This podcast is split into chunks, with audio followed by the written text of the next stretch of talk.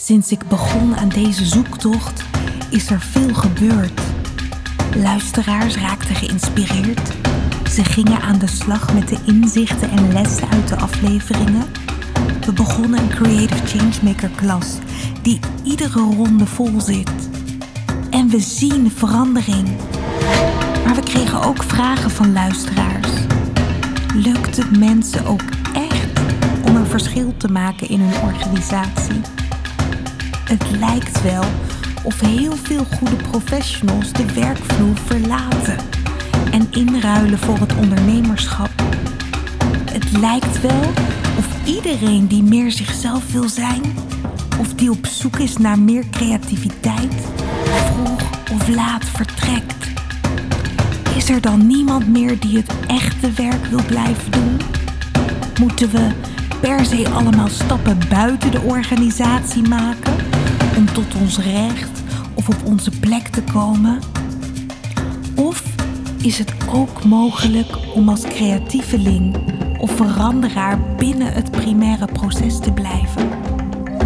Laten we onderzoeken hoe het in praktijk gaat met mensen die de uitdaging aangingen.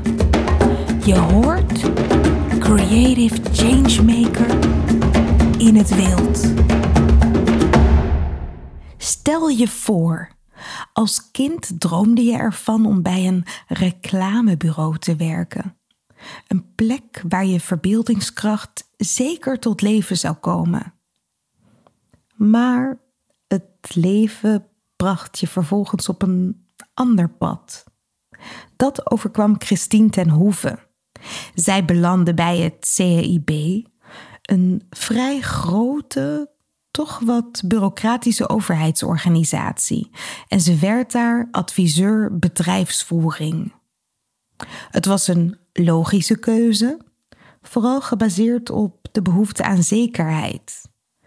Een keuze die in eerste instantie haar creatieve dromen leek te dwarsbomen. Tot er iets bijzonders gebeurde en er intern een kans op haar pad kwam, waardoor Christine binnen haar werk toch ineens creatief kon zijn. Ze greep deze kans met beide handen aan en ontpopte zich tot een ware intrapreneur. Ze bouwde haar rol op een creatieve manier uit tot deze perfect bij haar paste.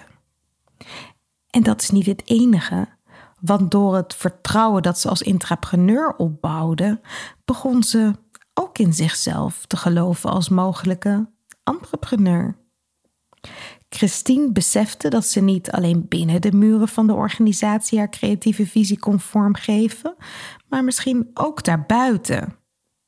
En zo begon ze haar eigen winkeltje te creëren. Niet alleen binnen het CEIB, maar ook daarbuiten. Ga er lekker voor zitten en laat je meevoeren door het verhaal van Christine ten Hoeve, Creative Changemaker in het wild. Chaos in de orde. De zoektocht. Christine, welkom eh, in Chaos in de orde. Dankjewel. Nu ben ik altijd in eerste instantie benieuwd, wat wilde Christine vroeger worden toen jij nog eh, een jaar of zeven, acht was? Kun je daar nog iets van herinneren? Ehm, als ik terugdenk aan vroeger en mijn eerste herinnering aan wat ik vroeger later uh, wilde worden. Dat, ik denk dat ik toen al wat ouder was. Ik denk een jaar of 13, 14. Toen droomde ik ervan om uh, een eigen reclamebureau te, te hebben. Dus dat um, liet zich zien doordat ik samen met mijn zusje zelf tijdschriften maakte. Dus dan maakten we boekwerkjes van oud uh, printerpapier. Je weet wel, met die kartelrandjes eraan die je er dan aftrekken kon.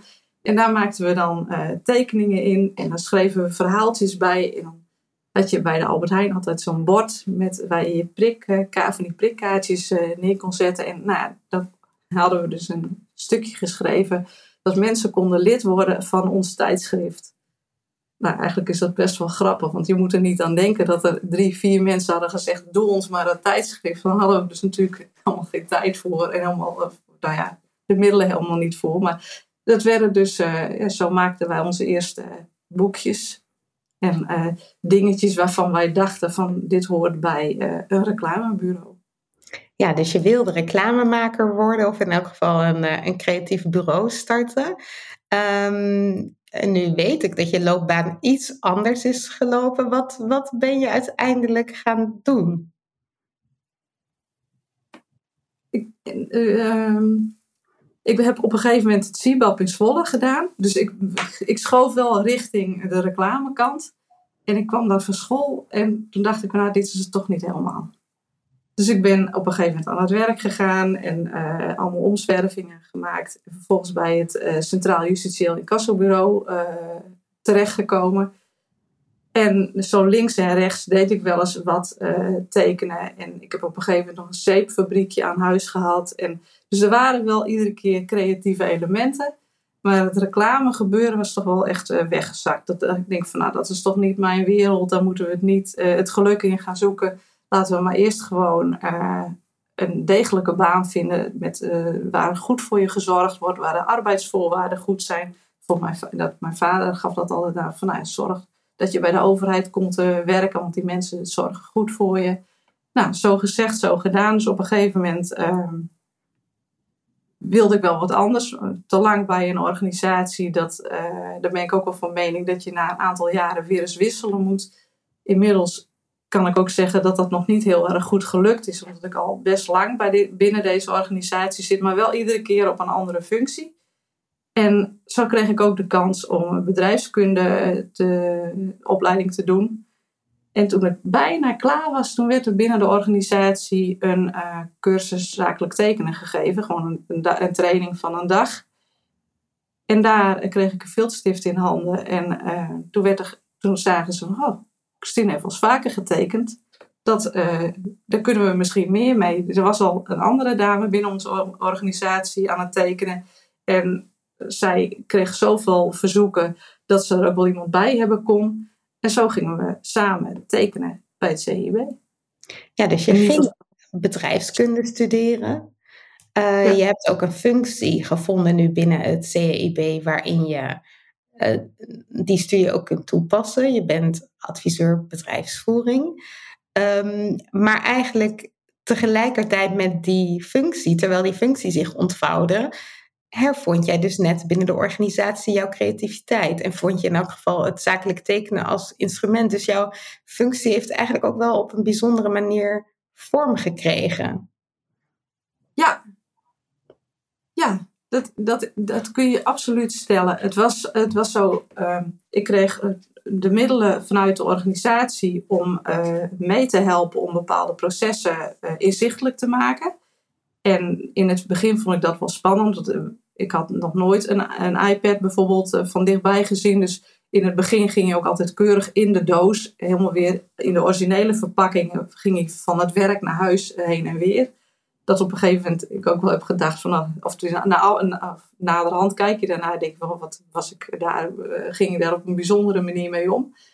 Maar ik zat ook op dat moment nog in het staatje van de HBO-opleiding. Ik denk van, nou, ik moet eigenlijk zorgen dat ik eerst die opleiding af heb en dan pas de materialen uh, gaan ontdekken en mezelf uh, daar verder op ontwikkelen. Ik denk van, dat tekenen vind ik zo ontzettend leuk.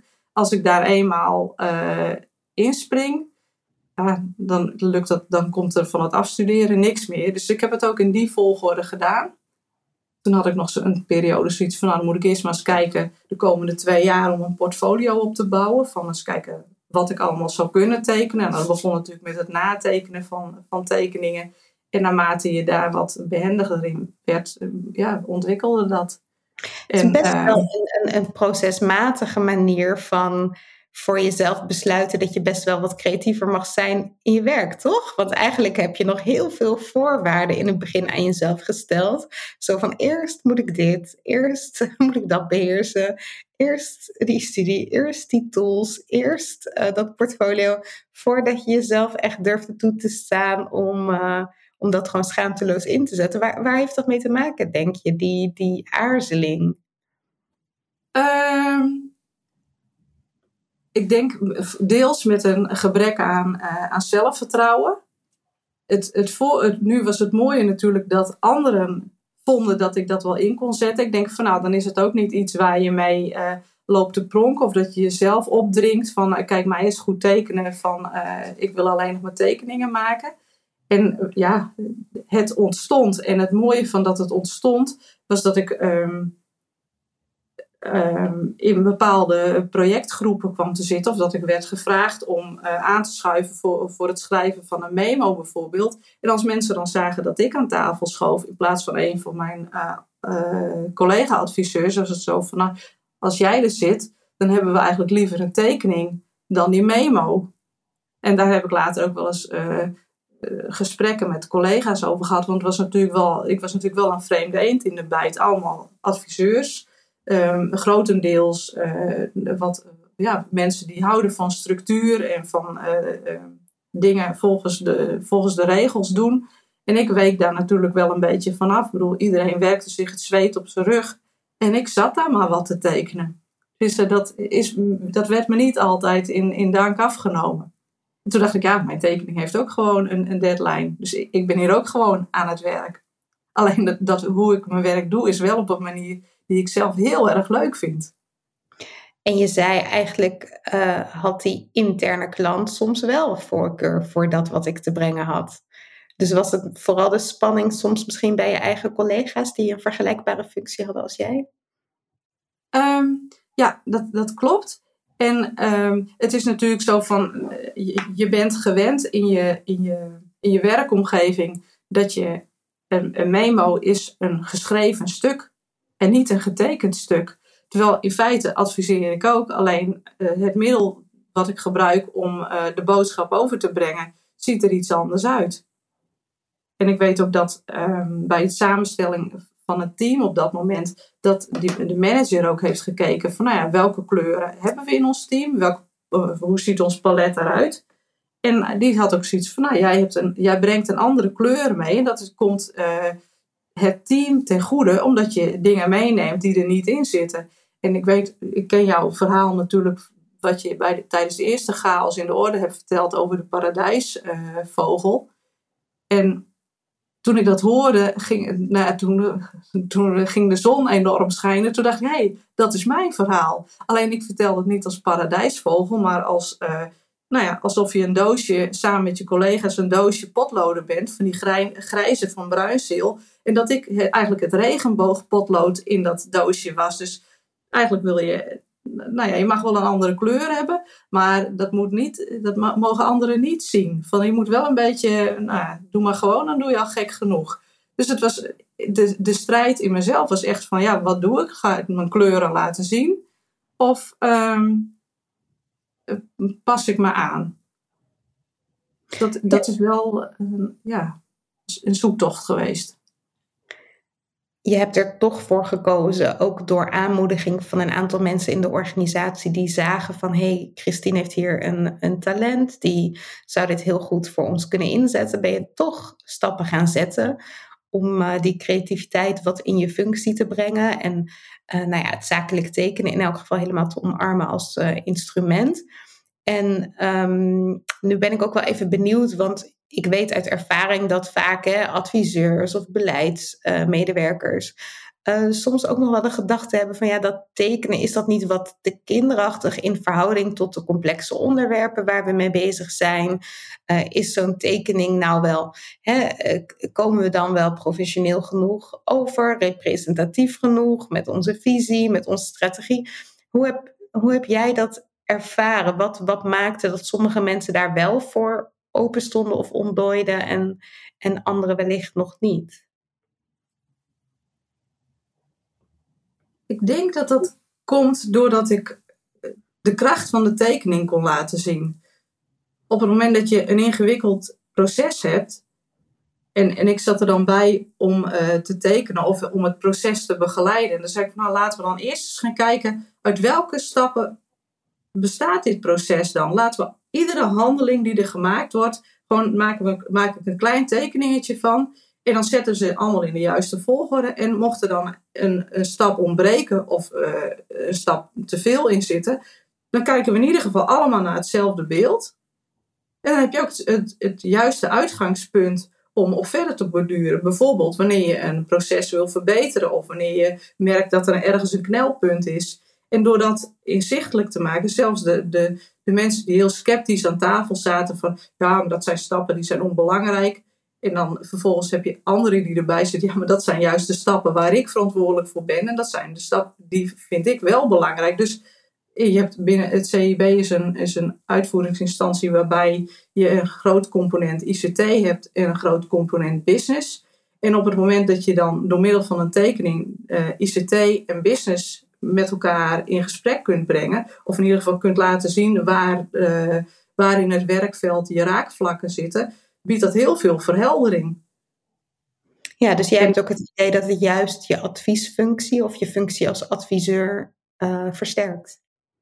Ja, absoluut. Absoluut.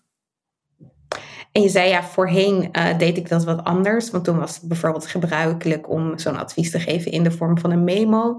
Kun jij eens terug naar de tijd, zeg maar, voordat je die, die workshop volgde en dacht van, hé, hey, wacht even, ik kan het misschien ook wel anders doen met, met tekeningen of op een creatievere manier. Kun jij je nog herinneren hoe je daarvoor in de organisatie je rol vervulde? Wat deed je toen? Toen had ik een andere functie als uh, dan, dan adviseur. Toen was ik uh, uh, programmamanagement ondersteunen.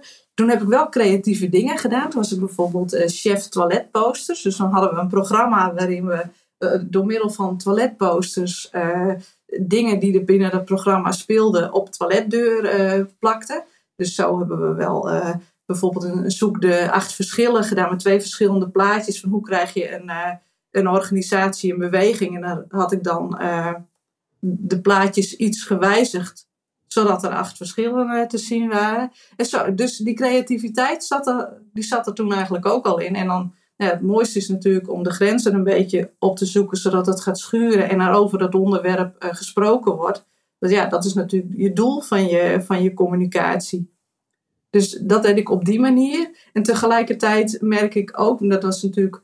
Ehm, dat ik toen eigenlijk zelf ook nog wel een beetje een grijs muisje was. Van, en dat, dat is ook wel iets eh, zoals ik vroeger ook. Van ik stond het liefste gewoon in mijn eigen schaduw. En dan souffleerde ik anderen wel van. Als je nou dit en dit en dit doet, dat is heel grappig. Of daar kunnen we beweging mee creëren. En dan, nou ja, dan gaf ik anderen het voorzetje van. Nou, doe, doe dit maar dat kan, kan eens heel succesvol uitpakken. En dat, dat gebeurde dan ook. Alleen dan, nou ja, dan hoef ik, hoefde ik niet te, of had, droeg ik niet de verantwoording.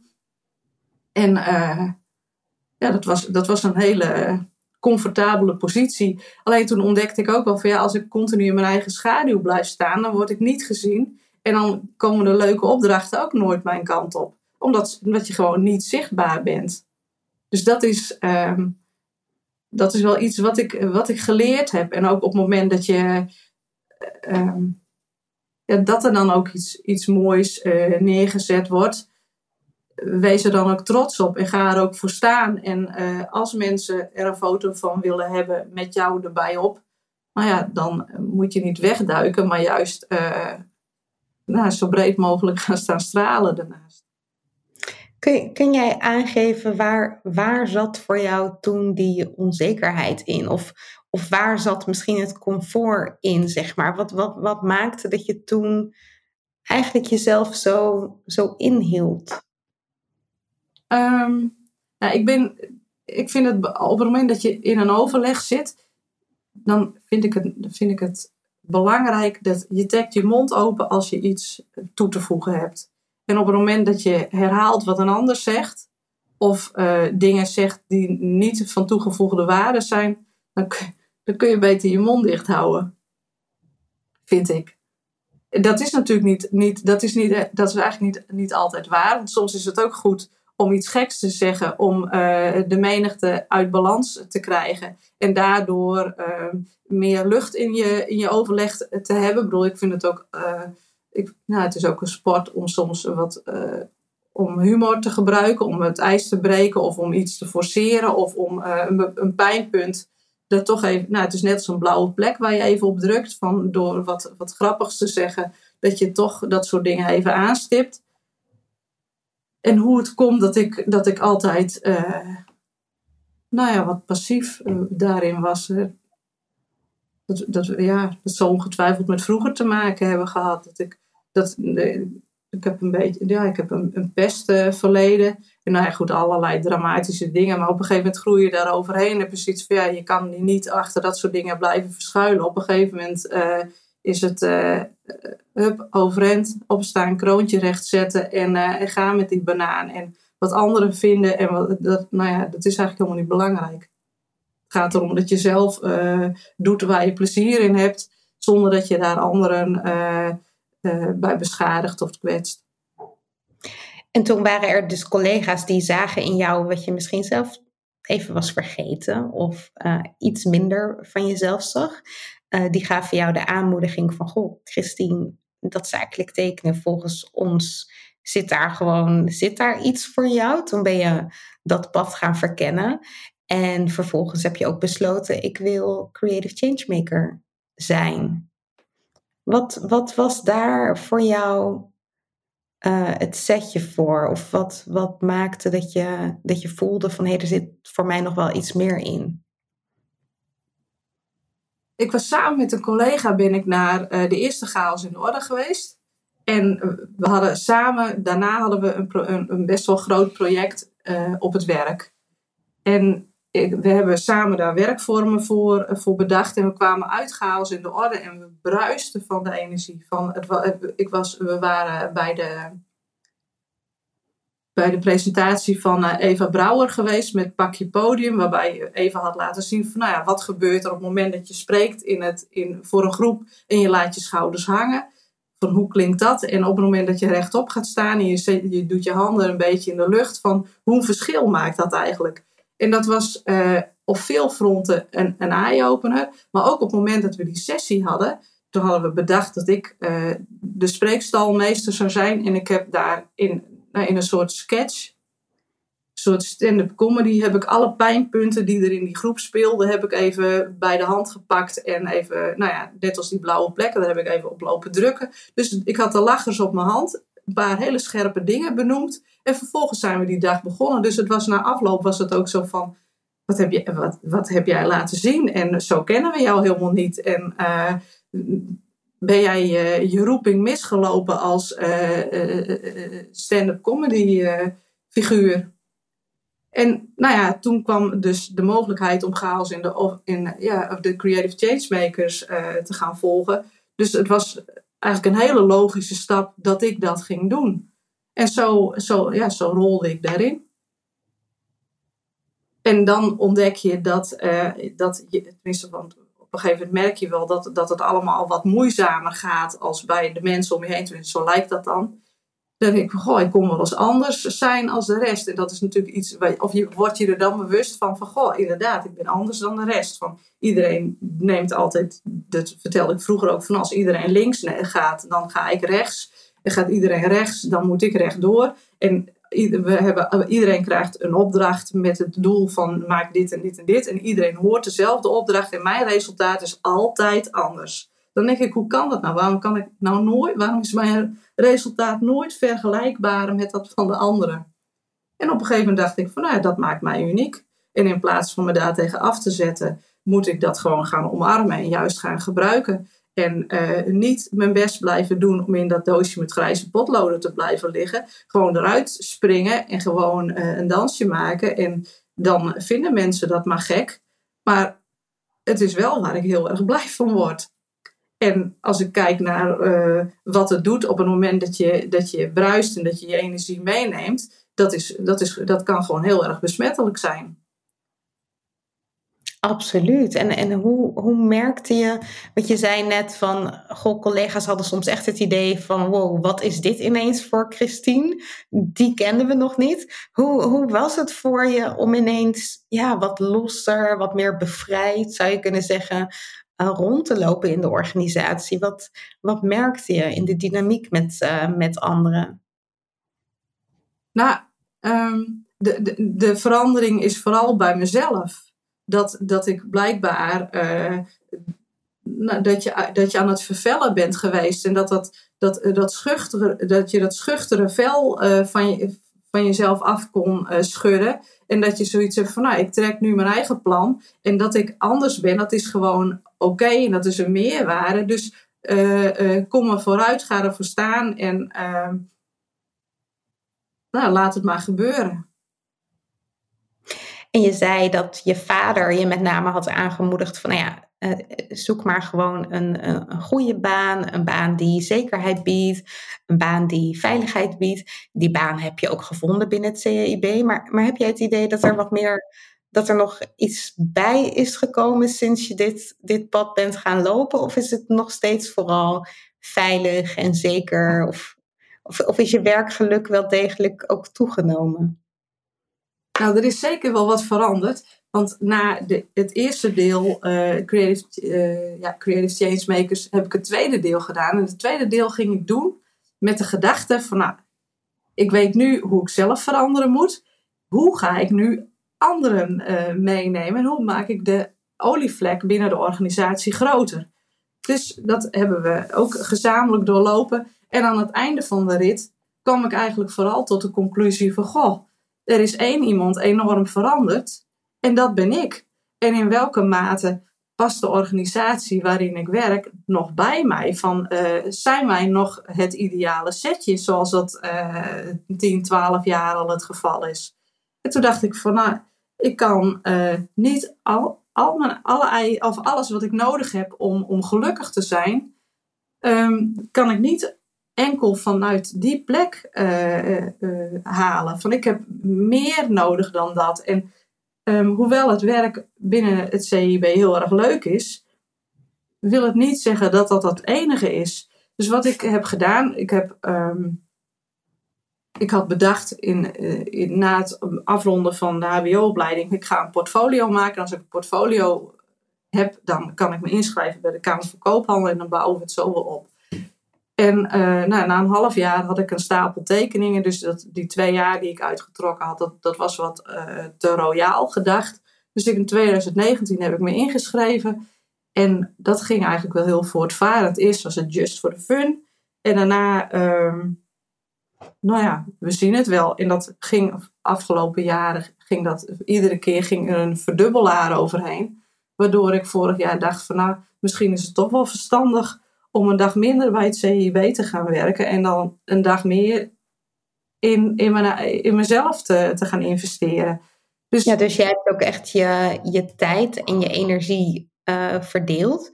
Je bent nu drie dagen per week intrapreneur en de rest van de tijd ben je entrepreneur. Hoe, hoe is dat als je dat zo ziet? Nou, dat, ik, ik weet wel dat, het, dat er een klein rouwprocesje aan vooraf ging om die ene dag los te laten. Ik denk, ja, waar gaat het over? Je springt niet in het diepe. En als je al springt, dan heb je een parachute op je rug. Omdat met drie dagen werken kan ik ook nog gewoon alle ballen hoog houden. Maar toen dat gevoel weg was, toen dacht ik, oh, wat, wat een vrijheid. Er was op dat moment geen enkele opdracht.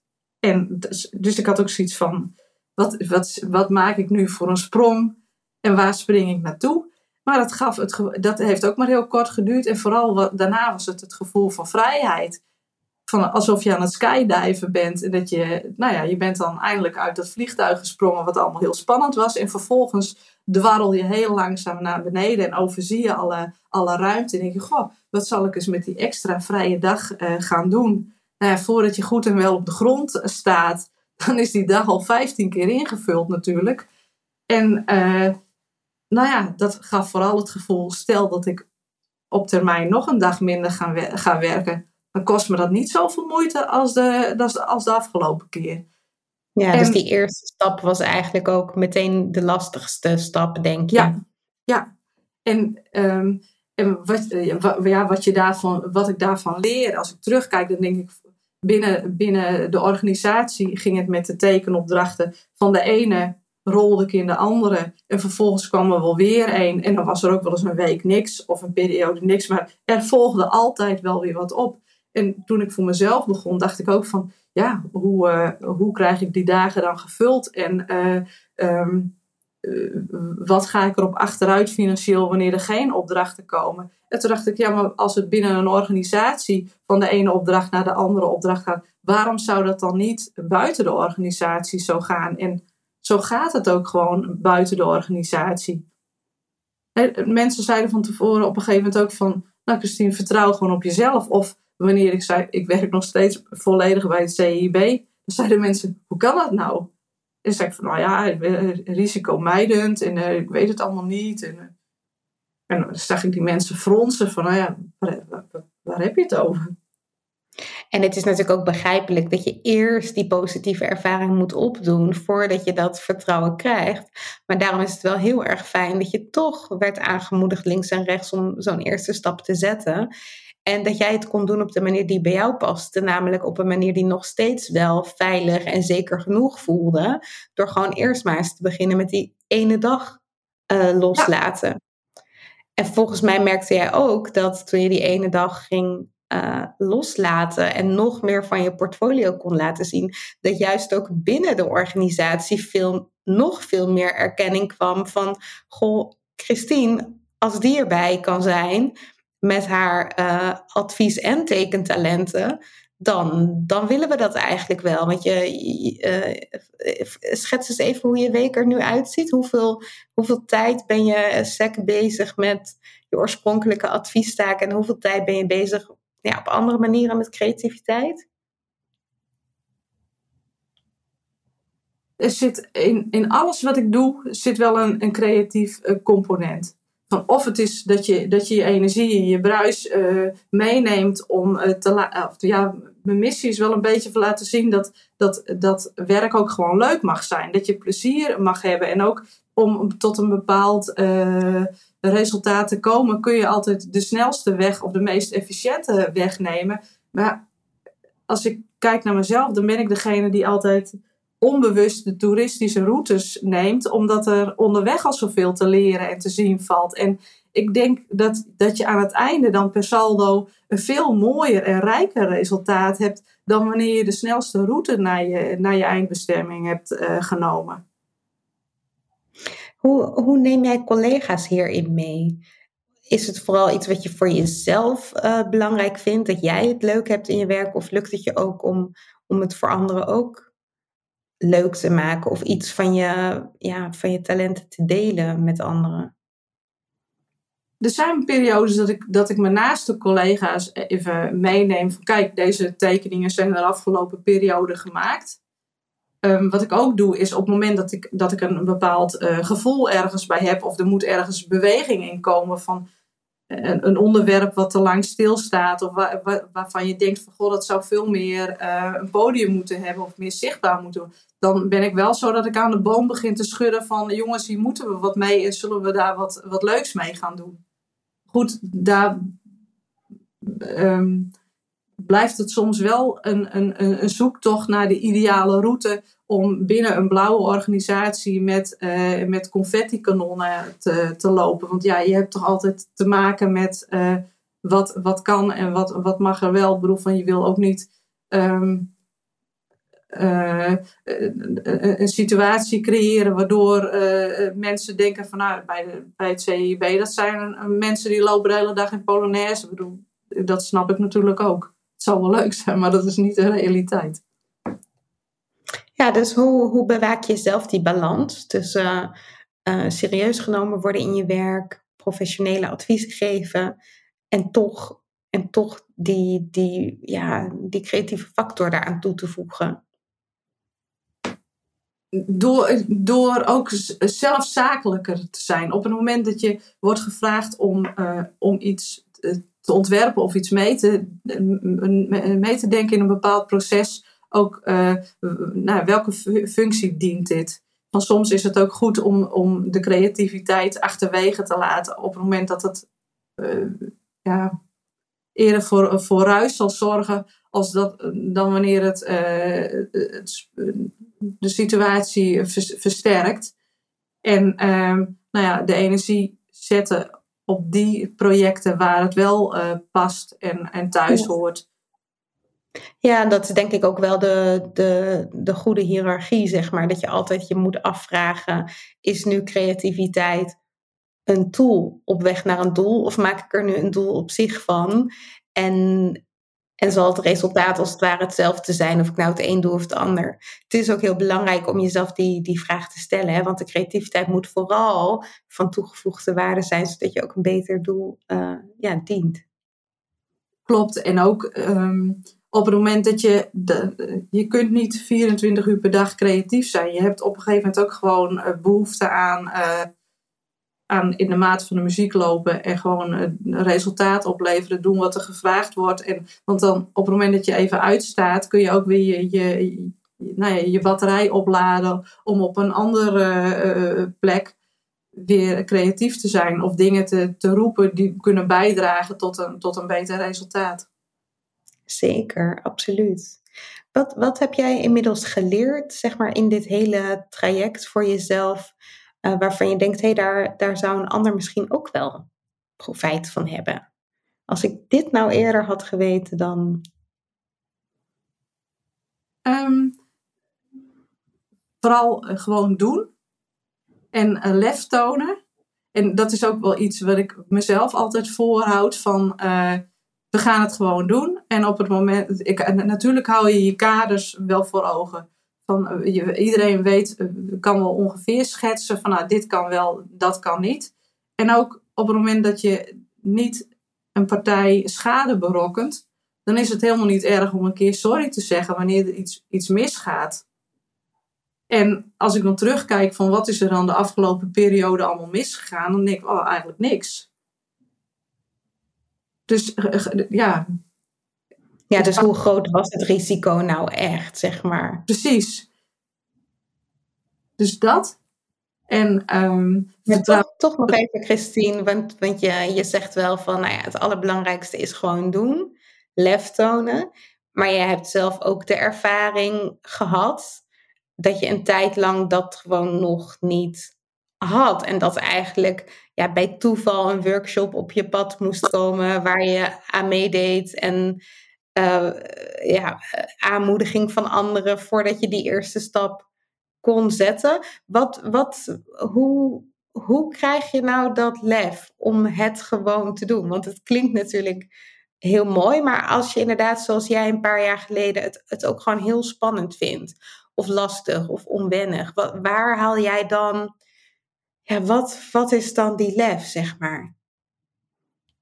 Ik heb wel ik heb heel erg mijn best moeten doen voor, uh, om het, het zelfvertrouwen uh, te, ontdekken dat het er gewoon mag zijn.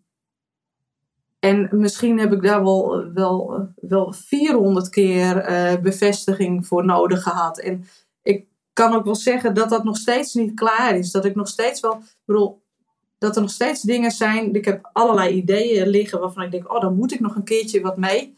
Maar, en dan kijk ik er nog een keer naar en denk van, nou ja, toch maar niet. En het is net of dat nog steeds op, op een bevestiging wacht. Of dat, en dus dat ik ga zeggen van, goh, dat heb je nodig om, uh, om te groeien. Om te, om te groeien eh, moet je gewoon, eh, is het, ja, leren door, doe je door vallen en opstaan. En um, van iedere keer vallen, daar, daar leer je gewoon wat van. En op een gegeven moment uh, zul je ongetwijfeld eens een keertje vallen of ontdekken dat, dat, uh, dat daar waar je zelf niet tevreden over bent, dat een ander daar wel tevreden mee is. Dus dat je je eigen lat uh, een stuk lager moet leggen. En um, het is ook door te doen en door goed te kijken wat er om je heen gebeurt. Ik heb op een gegeven moment eens bij, ergens bij gezeten en toen zag ik dat mensen geïnspireerd raakten door dat wat ik had gemaakt. En toen dacht ik, oh, ik kom hier om iets te leren. En vervolgens zie ik dat met mijn inbreng een ander geïnspireerd raakt. Ik denk van nou, als, als het zo werkt, dan mag ik er dus gewoon zijn. Dan heb ik dus ook gewoon, uh, uh, ik voeg waarde toe. Of in ieder geval, er gebeurt iets.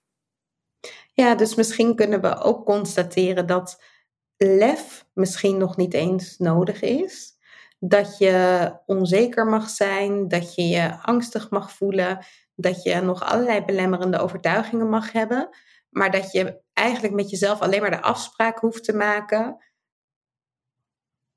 met die angst, met die onzekerheid, met dat gebrek aan vertrouwen, ga ik toch een eerste stap zetten.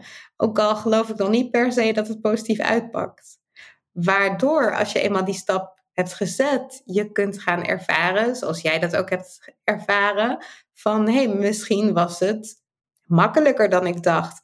Of misschien wordt er positiever gereageerd dan ik had gedacht. Of misschien was deze ervaring, hé, hey, eigenlijk toch wel leuk en oké. Waardoor je jezelf eigenlijk de gelegenheid geeft om die positieve ervaringen op te doen. Ja, nog zonder dat je echt, echt lef hebt. Want ja, ga maar eens wachten op een dosis lef. Waar, waar, waar moet je het zoeken, zeg maar? Ja, ze zeggen wel eens, uh, lef is het enkelvoud van leven, toch? Tenminste, zoiets is. En op het mhm. moment dat je gewoon je, je doet, gewoon proberen, ehm, dat, dat is natuurlijk een vorm van, van lef, van uh, beweeg maar. En ook op het moment dat je, dat je ehm, ehm, ergens in gelooft, gedraag je daar dan ook naar. Van, uh, ja, draag dat uit. Op het moment dat jij jezelf serieus neemt, zal een ander jou ook serieus nemen. Dus dat zijn. Kijk jij, hoe, hoe kijk je daar nu naar? Kun jij nu van jezelf echt zeggen van ja, ik, ben, ik laat mezelf zien. Ik ben trots op wat ik te brengen heb. Dit is Christine. Creative Changemaker. Natuurlijk. die overtuiging, die heb ik wel. Dat, ik, ben ervan overtuigd dat ik een creative changemaker ben. Dat ik, dat ik uh, op een positieve, loyale manier onrust eh, met me meebrengen kan. En, uh, maar je kan altijd verder daarin groeien. Van, wat dat er gaat, ben ik wel een rupsje nooit genoeg. Heb ik zoiets van oh, alles wat, wat daarna ruikt, wat, wat, wat werkplezier uh, met zich meebrengt, wat uh, een kwinkslag geeft, wat, wat je waar je blij, de dingen waar je blij van wordt en waar je anderen blij mee maken kan, dat moet je uh, meenemen in je, in je gereedschapskist. En als was het glitters en andere sparkels, dan moet je mee, mee, mee om je heen uh, smijten. Klinkt wat, wat negatief, maar die strooi het uit. Van, en, en nou ja, het is net alsof je aan het, aan het zaaien bent. En dan vooral mooie, blije, leuke dingen. Heb jij het idee dat jouw entrepreneurschap, jouw intrapreneurschap heeft versterkt? Heb je daarin een bepaalde mindset op gedaan die je ook weer inzet in de organisatie? Of misschien wel andersom? Heeft jouw intrapreneurschap het entrepreneurschap wat vergemakkelijkt? Heb je daar een idee bij? Ja, dat, beide. Aan beide kanten. Um, ik heb nu twee goede dingen uit twee goede werelden. Um, je, je positie in de maatschappij. Ik bedoel, wat er in de maatschappij gebeurt, gebeurt ook in een, in een organisatie. Dus daar, ehm, ehm, hoe een, organisatie in elkaar zit, uh, heb ik dat maak ik natuurlijk iedere dag van dichtbij mee. Dus die kennis neem ik mee op het moment dat ik uh, binnen een andere organisatie uh, aan het tekenen ben. Wat ik ook meeneem is um, door de, de, de verschillende dynamieken ga je anders naar situaties kijken. Ik bedoel, eh, ik kan iedere keer weer afstand nemen van, van, van de dingen die binnen het CIB gebeuren. En binnen andere organisaties kan ik zien hoe gaan ze met bepaalde problematiek om. En dan niet eens inhoudelijk, maar gewoon meer in de processen. Dat ik dat weer mee uh, terug naar, naar uh, de loondienst meenemen kan. En um, ik merk dat ik, dat ik als persoon veel meer in balans ben. Dat ik denk van, ah, dit hoort bij het een en dat hoort bij het ander. Van loopt het op het ene vlak wat minder goed, is er altijd een, een, een resultaat of een succesfactor op, aan de andere kant, waardoor je, ja, waardoor je als mens gewoon beter in, in balans uh, bent.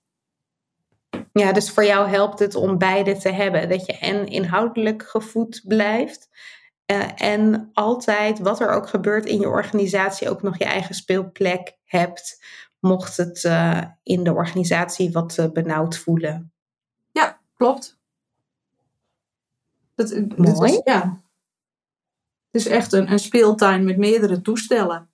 soms wil je een toestel zonder verrassingen. En meestal kies je voor een toestel met wat meer uh, dynamiek. En het leuke is, als je dan terugkijkt toch naar wat je vroeger wilde worden. En je wilde een reclamebureau en je wilde een magazine en je was aan het tekenen in dat magazine. Dan zouden we wel kunnen stellen dat je op een andere manier toch, toch je creative agency hebt kunnen neerzetten. Zowel intern in de organisatie, met je eigen winkel binnen de winkel en al het tekenwerk dat je mag doen, uh, ook vanuit je adviseursrol. Uh, maar ook daarbuiten, waar je zelfs nog vrijer dat mag invullen. Dat is toch eigenlijk wel heel bijzonder, Christine. Op het moment dat je kunt verbeelden naar, naar een bepaald, of je, je beeld je een bepaald toekomstperspectief in, en dat je daar onbewust ook naar, naartoe groeit ook als ik nu terugkijk wat er in mijn loopbaan is gebeurd, dat ik een, heel, een hele lange periode ook uh, secretaresse en managementondersteuner ben geweest. Dus dat zijn, is de periode waar, waar ik goed heb leren luisteren. Uh, de periode daarvoor op school heb ik leren tekenen.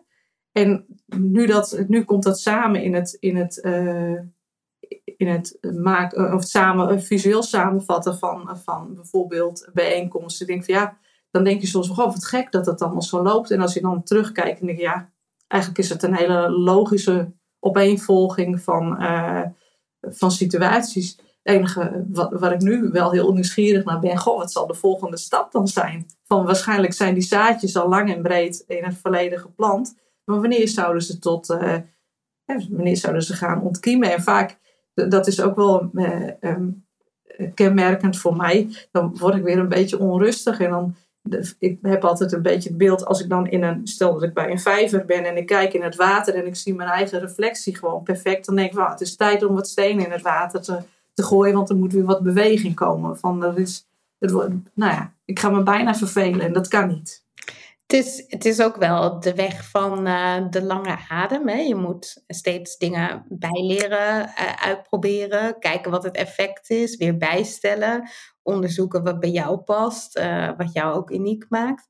En um, ja, ik weet dat jij onlangs de marathon hebt gelopen, de marathon van Rotterdam. Dat, dat was nou typisch zo'n weg van de lange adem. Hoe, hoe was dat om te doen? Ja, dat, dat is waanzinnig. Het, ehm, het vraagt heel veel van je. Het, vooral in eerste instantie denk je dat het lichamelijk heel veel van je vraagt, maar mentaal doet het ook wat. Van het is echt uh, dingen opzij zetten en uh, focus, uh, commitment, drive. Je hebt al dat soort eigenschappen nodig om je, om je doel te bereiken. En in feite is dat natuurlijk net als met, met je eigen winkeltje van focus houden. En dat is met het, met het hardlopen.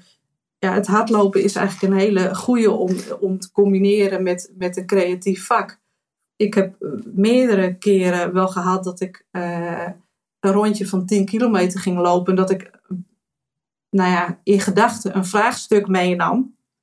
En dat ik na het rondje lopen een oplossing voor het vraagstuk heb. Of een, een, een bepaald beeld, eh, een tekening die gemaakt moet worden. Dus het is, ik, het is dan heel efficiënt om en hard te gaan lopen en creatief te zijn. Omdat die, ja, die gaan heel goed uh, hand in hand samen. Ja, mooi. En dat heeft ook te maken met die rust die je nodig hebt om vervolgens weer linkjes te kunnen leggen. Hè? Dat, uh, het is heel belangrijk voor, ja. voor elke organisatie waar mensen creatief willen zijn, dat er ook voldoende tijd blijft voor pauze, even terugtrekken, nog wat langer marineren op een idee. En, en dan komen we ook weer terug op wat je eerder zei. We kiezen zo vaak voor die snelste weg van A naar B. Maar als we nou iets meer tijd nemen, dan kunnen ideeën ook rijpen, dan kunnen ze groeien, dan, ja, dan worden ze uiteindelijk beter.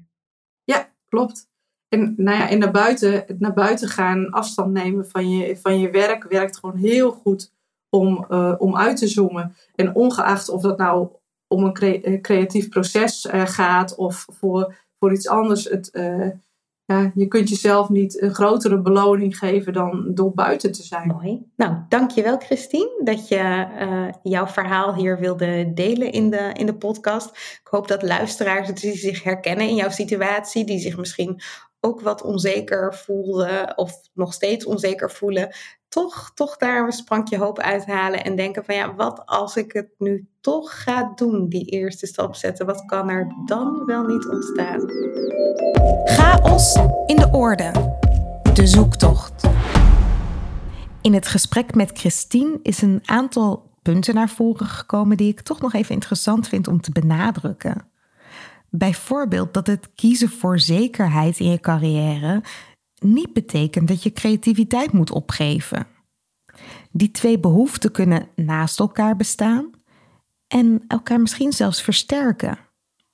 Het verhaal van Christine laat zien dat het heel goed mogelijk is om voor jezelf een veilige weg te bewandelen en tegelijkertijd toch je verbeeldingskracht en je creatieve potentieel te benutten.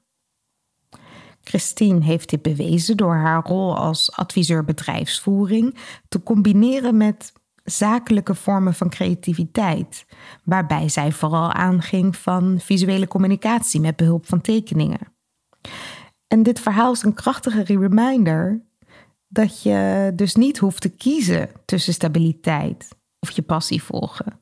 Het kan allebei. Een ander opvallend inzicht uit ons gesprek is dat um, anderen soms in staat zijn om meer potentieel in ons te zien dan we zelf kunnen waarnemen. En in de juiste omgeving vind je supporters en cheerleaders die jou aanmoedigen terwijl je nieuwe spannende stappen zet, omdat zij in jou geloven, zelfs wanneer je nog aan jezelf twijfelt. En dit soort mensen zijn van onschatbare waarde. En dat blijkt ook uit het verhaal van Christine. Want zij zag zelf nog helemaal niet van, van zichzelf dat ze ja, een creatieve bijdrage kon leveren, terwijl haar collega's dat al lang zagen. Maar soms is het helaas ook andersom. Dan houden de mensen in onze omgeving ons klein door hun twijfels te uiten uh, of hun beperkende overtuigingen op ons te projecteren en te benoemen. En dat kan je echt van weerhouden om stappen te zetten. Zeker als je zelf toch al een beetje aan jezelf twijfelt. En in zulke gevallen, als je merkt dat je geen natuurlijke cheerleaders om je heen hebt, is het vaak beter om niet al te veel te delen over je plannen, maar ze toch maar gewoon te gaan doen en zelf een begin te maken. Want als jij succeservaringen opdoet, groeit jouw vertrouwen. En als anderen zien dat je succes behaalt, dan zullen hun twijfels vanzelf vervagen. Zo doe ik dat zelf ook nog steeds. Want reken maar dat anderen in mijn omgeving soms best zenuwachtig worden van mijn plannen. Ehm, en als ik ze de kans zou geven om hun zenuwen te uiten, zou ik misschien wel mijn plannen afblazen. Of onnodig klein houden om risico's te mijden, omdat anderen daarvoor waarschuwen. En dan zou er bijvoorbeeld nooit een groot werkfestival bestaan als chaos in de orde. Of dan was mijn bedrijf er nooit geweest. De ervaring van Christine spreekt voor zich. Zij had een paar mensen in haar werkomgeving die haar creatieve potentieel zagen en ook hebben toegejuicht. En mede die aanmoediging heeft haar gebracht waar ze nu is. En een ander belangrijk inzicht dat Christine met ons heeft gedeeld, is dat ze heeft geleerd om bewust te kiezen wanneer ze wel en wanneer ze niet een creatief rolmodel wil zijn. Ze kiest bewust de momenten waarop ze even de toeristische route neemt, zoals ze dat zelf zo mooi noemt. En op andere momenten mag het ook gewoon recht toe, recht aan het proces zijn. Zo kan ze haar tijd en energie gericht inzetten en een balans vinden tussen haar rollen als adviseur, als creative changemaker en die op de juiste manier met elkaar afwisselen. Ja, dit gesprek met Christine heeft mij opnieuw doen realiseren dat creativiteit en ondernemerschap zich eigenlijk niet laten beperken door de omstandigheden. We hebben allemaal het vermogen om chaos in de orde te creëren, ongeacht waar we ons bevinden. Het kan in kleine stapjes zitten of in grote stappen. Dus laten we ons laten inspireren door het verhaal van Christine en de moed vinden om onze eigen creatieve reis te omarmen, zelfs als we geen cheerleaders hebben. Wil jij nou net als Christine creatiever zijn in je werk en wil je daar onze hulp bij? Meld je dan aan voor de Creative Changemaker klas. Dit is dus een persoonlijk leiderschapstraject waarin je gaat ontdekken hoe jij een rolmodel kunt zijn in cultuurverandering. Want door zelf meer aandacht te geven aan creativiteit en innovatie, kun je ook anderen leren meenemen. En je leert in het uh, traject dan over intrapreneurschap, over groepsdynamiek, over momenten waarop je creativiteit zakelijk kunt inzetten, vormen van creativiteit die je heel goed op een professionele en zakelijke manier kunt toepassen. Hoe je belemmerende overtuigingen bij jezelf oplost, maar ook hoe je die in je omgeving kunt verzachten en nog veel meer. Kijk op chaosindeorde.nl voor meer informatie. En in de volgende aflevering dan eindelijk de primeur. Dan gaan we Chaos in de Orde, het werkfestival, editie 2023 lanceren. De vijfde editie alweer. Ons eerste jubileum. En als luisteraar van deze podcast kun je dan gebruik maken van een uniek aanbod om als early bird deel te nemen met een vroegboekkorting. Dus houd de volgende aflevering zeker even in de gaten. Creativiteit, innovatie. Het lijkt omgeven door een mysterieuze mist. Een geheim voor briljante breinen en getalenteerde kunstenaars. En toch, het moet toch voor iedereen toegankelijk zijn? Aflevering voor aflevering graaf ik steeds een stukje dieper. Ben jij enthousiast? Abonneer je dan op deze podcast en laat een review achter in de app waarmee je luistert. Hoe meer reviews we ontvangen, hoe meer mensen deze podcast kunnen vinden. Zo zorgen we samen voor meer chaos in de orde. Wil jij zelf chaos in de orde brengen? Download dan gratis het e-book Chaos. 10 manieren om patronen te doorbreken. Je vindt het op chaosindeorde.nl/slash podcast. Deze podcast wordt je aangeboden door Huis van Verbeelding, het bedrijf voor zakelijke creativiteit. Tot de volgende keer en veel chaos!